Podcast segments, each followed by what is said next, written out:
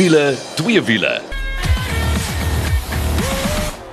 As jy nou net ingeskakel het, dis wiele twee wiele en hierdie keer is dit om die waar te sê net ek, ek is Janet. Kol vat so 'n bietjie van 'n breek, maar hallo Nicole. Hallo Janet, is Kol nou op vakansie of wat gaan aan?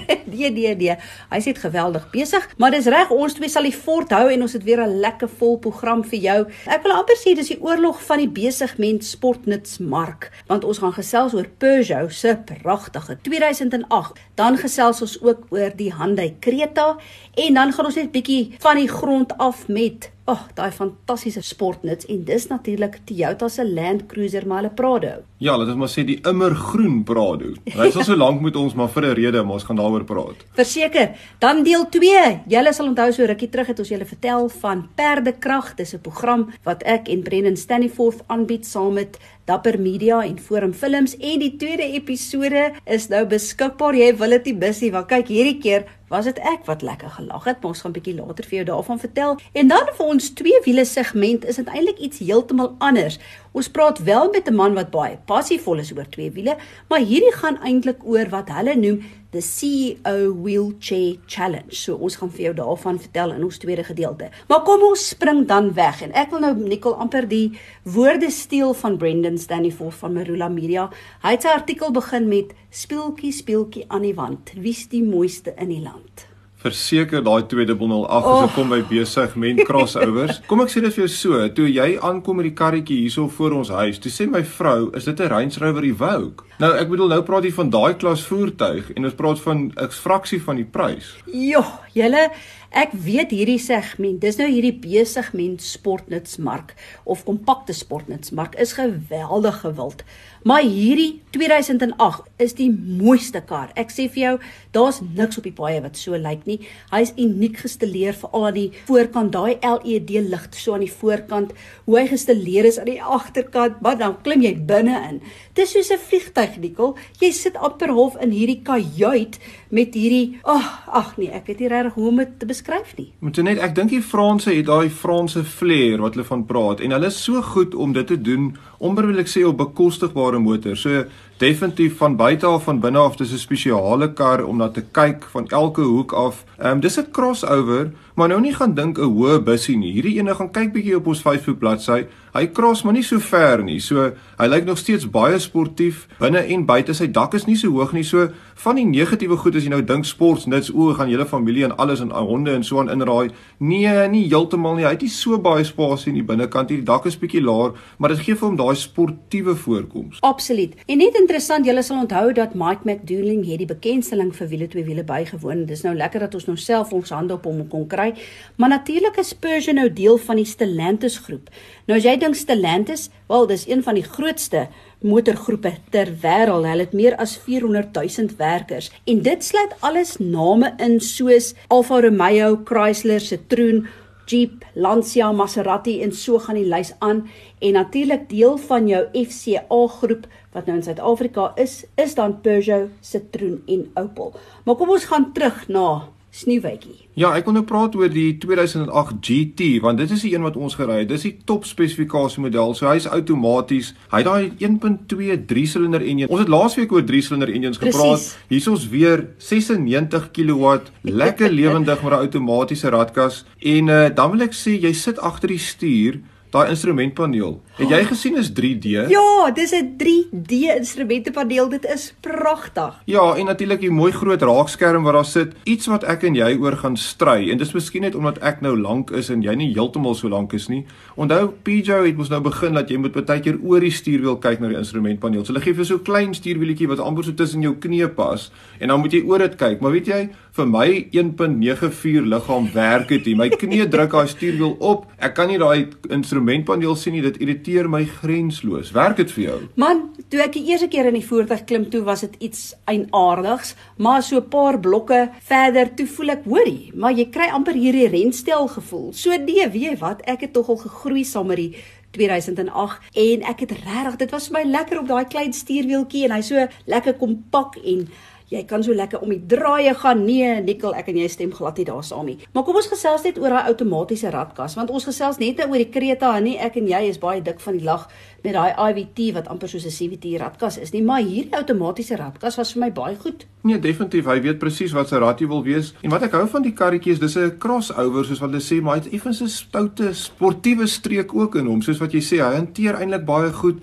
Hy voel regtig lig op sy wiele. Dis lekker om met hom in die stad rond te ry. Daai rit is ook vir my baie gemaklik. Dis nie asof hy uh, rol of bakrol of enige van daai het nie, maar is net asof hy so baie lekker die hobbels net opsuig en net reguit aangaan. So dis vir my 'n baie lekker rit wat hy het. Dis my moeilik om hierdie karretjie te fouteer. Ek dink hy's hy's regtig wel goed in wat hy doen, maar wat moet 'n mens uithaal vir hom toe net? Nou, dis die ding. Jy gaan eintlik as jy vergelyk met die kompetisie, jy gaan vir die GT waarmee ons nou gery het, gaan jy so kort van 480 000 rand moet uithaal. Maar die reeks begin by 359900. Maar kom ek sê vir jou waar teen hy kompeteer en dis hoekom ons sê speeltjie speeltjie aan die wand, wie is die mooiste in die land? En verseker Peugeot se 2008. Hy kompeteer byvoorbeeld met Volkswagen se pragtige T-Cross. Kyk jy na jou Mazda CX-3, jou Kia Seltos, selfs jou Mini Cooper Countryman, jou Audi Q2. Nou as jy nou daai kyk, dis alles baie mooi voertuie. nee nee, hierdie Peugeot 2008 staan ver bo water uit. So ja, doen jouself net 'n guns en gaan loer bietjie op ons Facebook bladsy. Dis wiele twee wiele. Hy het natuurlik 'n 5 jaar 100 000 km waarborg en 'n 3 jaar 60 000 km diensplan ook.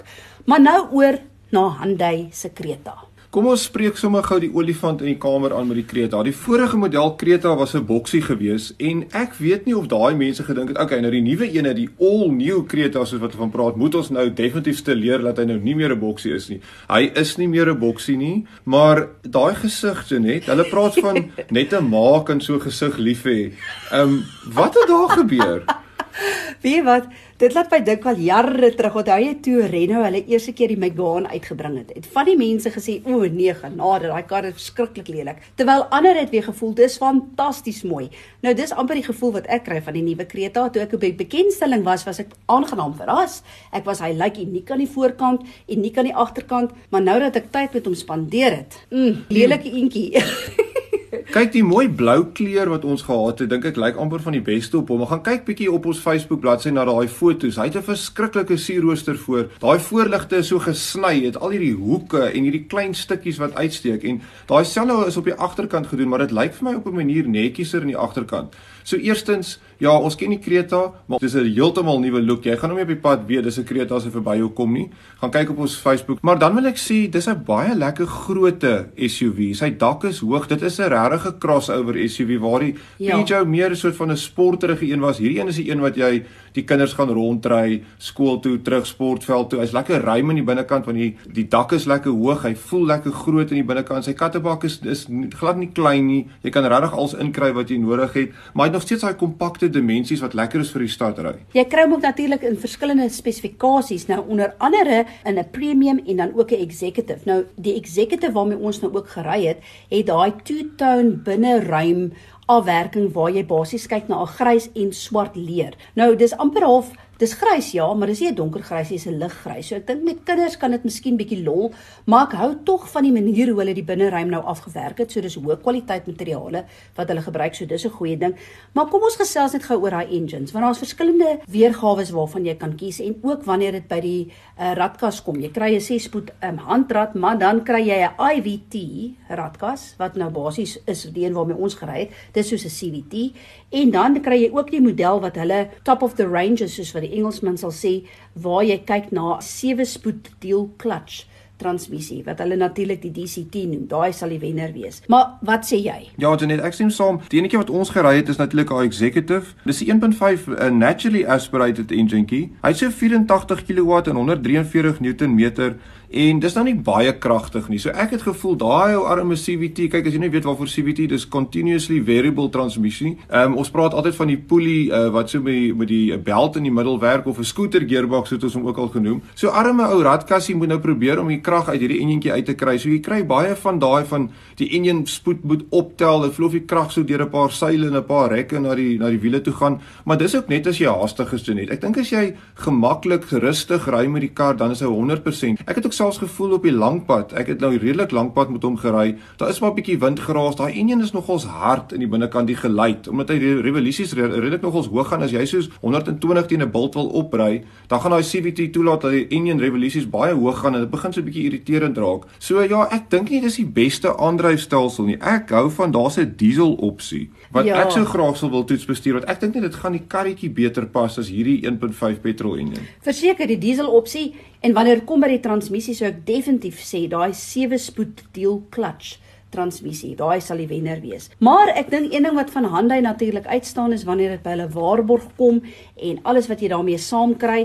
Daar's min fabrikante wat bied wat hulle bied. Ja, dit is ongeëwenaar daar buite. Dis 'n 200 000 km waarborg en 7 jaar en ek bedoel, dit is al nou veel gemoedsrus. Absoluut. So, Hyundai se Creta begin by jou 1.5 premium, dis met die handrat Dis 377900. So gaan hy al die pad op. Die een waarmee ons gery het wat die 1.5 executive is, die IVT, die two-tone, gaan jy moet uithaal 443900 en dan hardloop hy al die pad op. Jy kry dan natuurlik jou twee dieselmodelle ook, maar dan die vlaggenskap kyk jy na jou 1.4 turbo en dis jou executive met jou dual clutch transmissie en dit is 484900. Maar dit is wat Hyundai se Creta betref. Nou eers oor na Toyota se Land Cruiser Prado. Hoorie, het ek nou die kar geniet. En dis nou 'n ware SUV. Kyk, kom ons die ander goedjies is nou speelgoedjies vir in die stad rondry en so aan. As jy nou 'n voertuig wil hê waar jou familie kan inlaai en uh, jy kan daai GPS op enige land in Afrika stel en jy kan die pad vat, dan is dit die Prado Prado.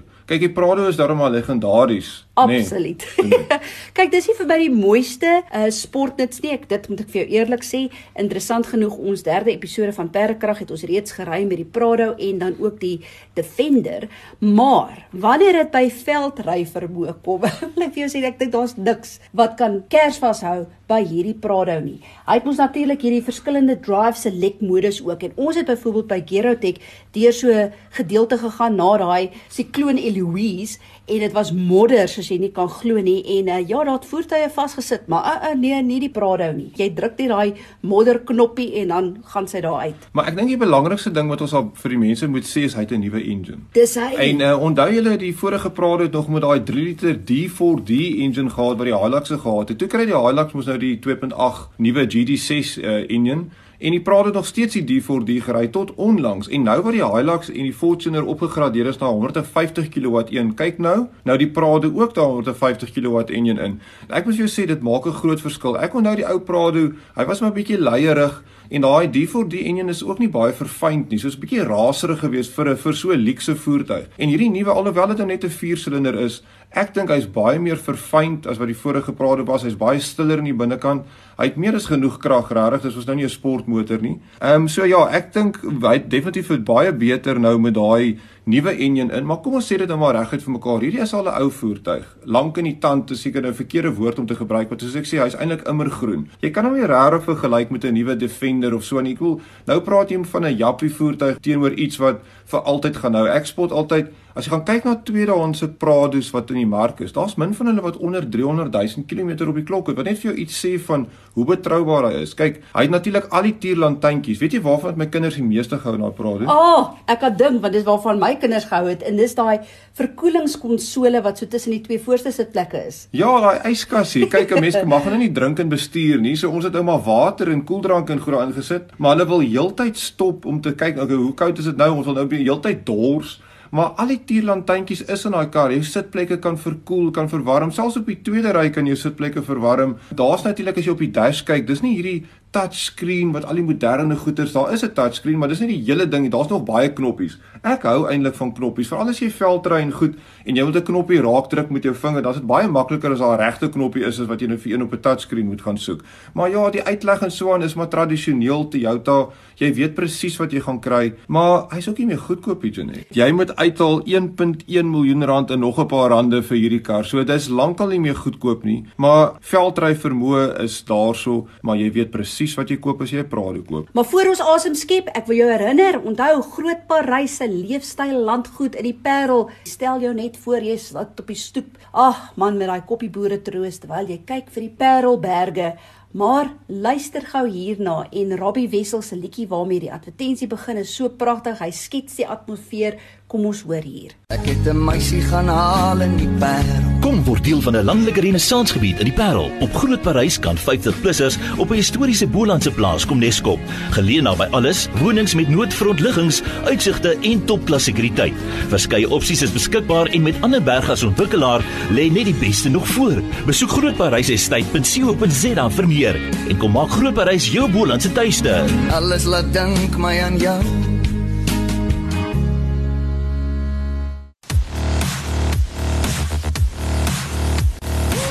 Ja, en as jy 'n vlekvrye stal uitlaatstelsel soek, as jy hom wil stilhou of as jy 'n bietjie weer jou kar moet praat, moet jy definitief 'n draai gemaak by Powerflow Belwel. Hulle kyk na alles wat jy nodig het en uh, weet jy wat dis nie net 'n jaar waarog nie dis sommer 5 jaar so 'n uh, vir beter werkverrigting brandstofverbruik en al Belflow Belwel dis die plek vir jou En is so maklik soos www.belflowbelwel.co.za. So welkom terug by Wiele 2 Wiele en hier in die tweede gedeelte gaan ons 'n bietjie praat oor perdekrag. En as jy nie weet wat perdekrag is nie, dis die splinter nuwe video aanlyn reeks wat Janet ook betrokke by is, saam met Marula Media en Janet, ek het so 'n bietjie geloer na die volgende episode. Daar was 'n blou BMW M2 CS en 'n baie nat renbaan. Dit klink vir my na speletjies of 'n uh, moeilikheid. Absoluut, wel eintlik albei, speletjies en moeilikheid. Nee, dit was verskriklik interessant. Dis natuurlik ek en Brendan Staddyford wat die aanbieders is. Dit word vervilm deur Forum Films, maar dis Dapper Media wat die platform vir jou beskikbaar stel. Ek gaan hierdie skakel vir jou op ons Facebook bladsy sit as jy daai tweede episode wil kyk, maar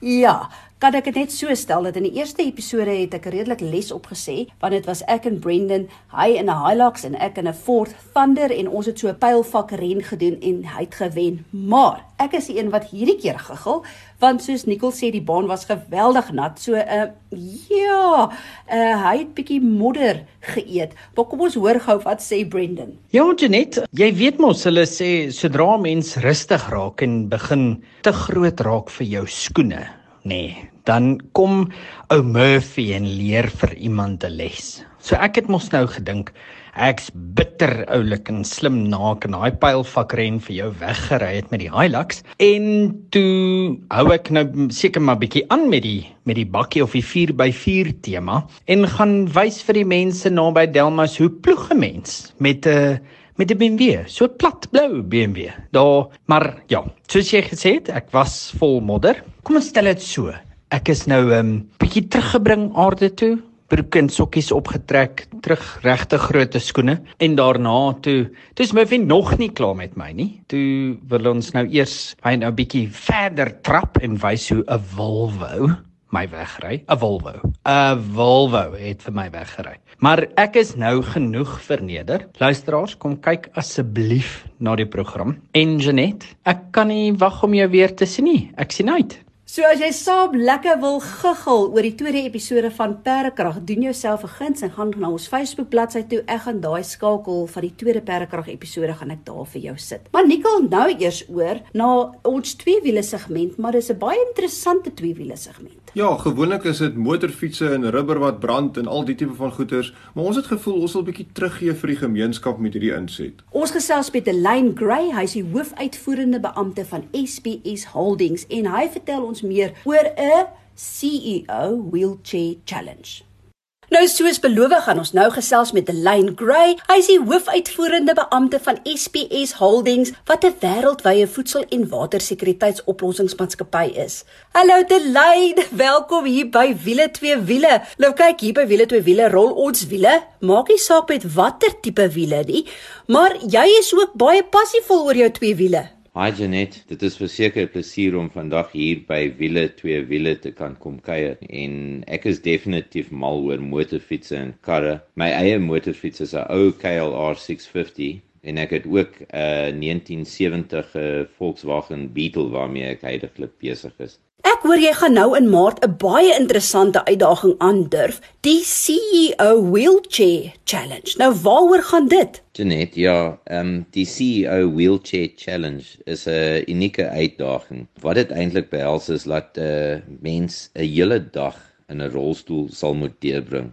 En uh ja, die mense van Little Eden het hierdie uitdaging op e-pos uitgestuur in werklikheid en net gesê you have been challenged. En toe ek die e-pos oopmaak toe lees ek bietjie verder en ek dink toe ja this is something i feel i can do. En onmiddellik het ek uh, teruggeskryf en gesê i'm in. So yes little eden they look after people with special needs. Uh, 60% of the kids and the adults are in wheelchairs. And uh, basically what the challenge is is to raise awareness of the need that exists My vraag is nou, wat het jou dan laat besluit om hierdie uitdaging aan te durf? Jeanette, I took the challenge on because it was a worthy challenge, and uh, I really feel that we will be able to raise awareness in the workplace, in families, in homes, and communities. And uh, yeah, I've got a big voice, and I thought I would have a chance just to publicize the good that's being done by others. Maar ek wil nou weet wat presies gaan julle doen?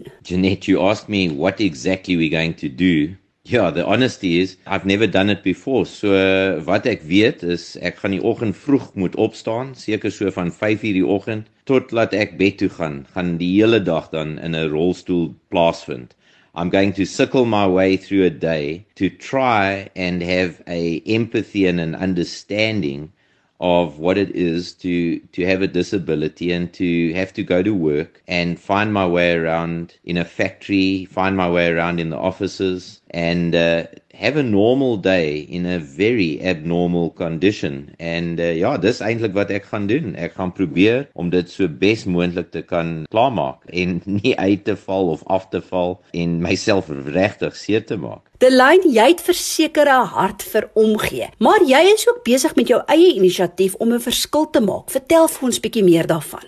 The Build for Better initiative is something I've got behind and started, yes. But what it really is, Jeanette, is it's an opportunity for me to put people on a connectivity platform, basically to be a voice or to be a platform for organizations, individuals that are already doing good out there, like uh, Little Eden and Made for More and so many others, and really just to see if they can do better by getting volunteers and perhaps even funding, but essentially not to go out and open another organization.